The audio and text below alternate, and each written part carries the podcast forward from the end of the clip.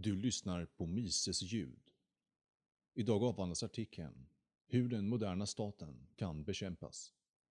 Författaren Hans Hermann Hoppe publicerades på mises.se 28 september 2015. I detta tal från 1997 av Hans Hermann Hoppe, som nu även finns tillgängligt som en e-bok från Misesinstitutet med titeln What must be done, presenterar Hoppe en plan för anarkokapitalismens kamp mot staten. Hoppe börjar med att undersöka statens natur, som ett monopol på försvar samt tillhandahållandet och upprätthållandet av lag och ordning. Likt alla statliga monopol leder även monopolet på att upprätthålla lagen till högre priser och lägre kvalitet. Varför tillåts detta fortsätta? De moderna demokratiska staterna ses, i mycket större omfattning än monarkier och furstendömen, som moraliska och nödvändiga, trots gott om bevis på motsatsen. I sin ursprungliga analys hittar vi mycket av det som Hoppe utvecklade i sin bok från 2001, Democracy, the God that failed, som systematiskt klädde av de moderna argumenten för den demokratiska staten. I den sista delen av sitt tal diskuterar Hoppe hur en modern frihetsförespråkare kan handla för att motverka marschen mot centralisering och förstörelsen av egendom, kultur, lärande och naturliga sociala hierarkier.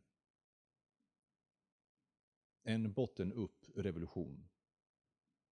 Slutligen kommer vi till en detaljerad beskrivning av vad denna revolutionära botten-upp-strategi innebär. Tillåt mig att återvända till mina tidigare påståenden om det defensiva användandet av demokrati det vill säga användandet av demokratiska medel för icke-demokratiska, libertarianska privategendomsmål. Jag har redan nått två insikter.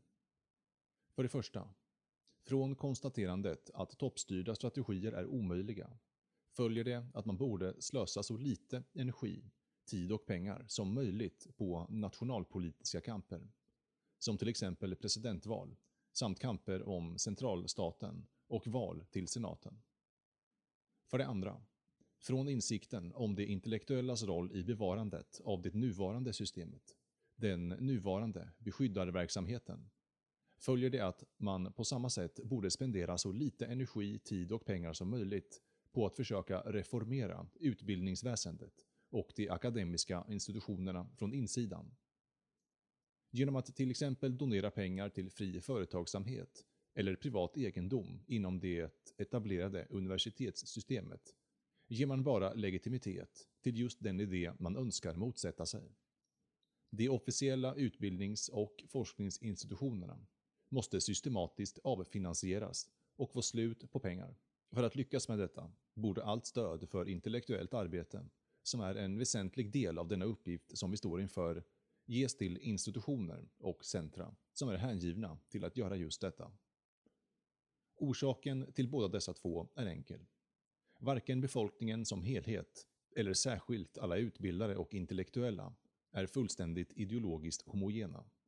Även om det är omöjligt att få en nationell majoritet för en direkt antidemokratisk plattform, verkar det inte finnas några oöverstigliga hinder för att vinna en sådan majoritet i tillräckligt små distrikt och för lokala och regionala funktioner inom den övergripande demokratiska regeringsstrukturen. Faktum är att det inte alls är orealistiskt att anta att sådana majoriteter existerar på tusentals olika platser, det vill säga platser om i hela landet, men inte jämnt fördelade. Men vad händer då? Allt annat faller nästan automatiskt från det slutliga målet, som vi alltid måste ha i åtanke i allt vi gör. Återupprättandet underifrån av privat egendom och rätten till att skydda vår egendom, rätten till självförsvar, att exkludera eller inkludera samt kontraktsfrihet. Svaret kan bytas ner i två delar. Först och främst vad som bör göras inom dessa väldigt små distrikt, där en förespråkare av privat egendom och en anti-majoritär personlighet kan vinna. För det andra hur vi agerar gentemot de högre nivåerna av staten, och särskilt mot den federala staten. Vi börjar med vad som borde göras på en lokal nivå.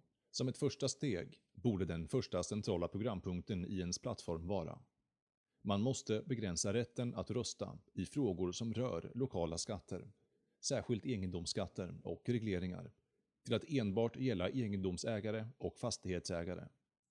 Endast egendomsägare bör tillåtas att rösta och deras röster är inte lika värda, utan i enlighet med värdet på vad de äger och den mängd skatt de betalat. Vidare måste alla offentligt anställda, såsom lärare, domare, poliser och alla bidragstagare, hindras från att rösta i frågor som rör lokala skatter och lokala regleringar. Dessa människor får betalt via pengar som drivits in via skatt och borde inte ha någon rätt att delta i beslut om hur höga dessa skatter bör vara. Men denna plattform är ju såklart inte möjlig att vinna med överallt. Du kan inte vinna i Washington DC om du har en sån här plattform. Jag vågar dock påstå att det finns många ställen där det är möjligt att vinna, så länge platsen är tillräckligt liten och du har en stor mängd anständigt folk. Som en följd av detta kommer lokala skatter, taxeringsvärden samt skatteintäkter oundvikligen att minska. Egendomsvärdet och de flesta lokala inkomster kommer att öka, medan antalet offentligt anställda och deras löner kommer att minska.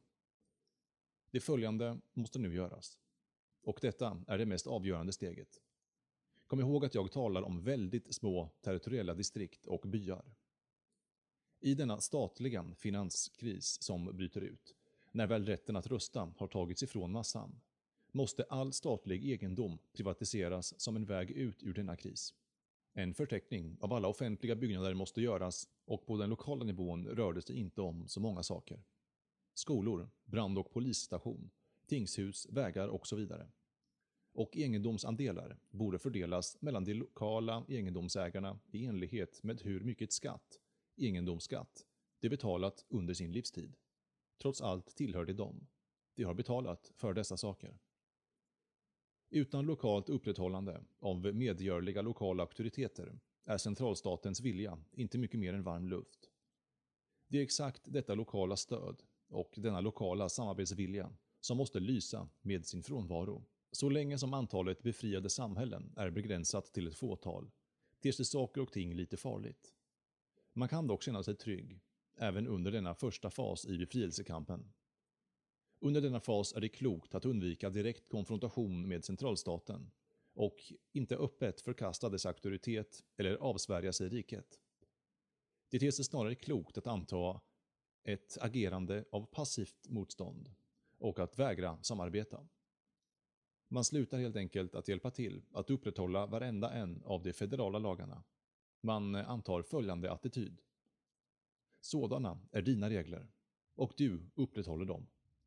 Jag kan inte hindra dig, men jag kommer inte hjälpa dig heller, eftersom min enda skyldighet är till mitt lokala samhälle.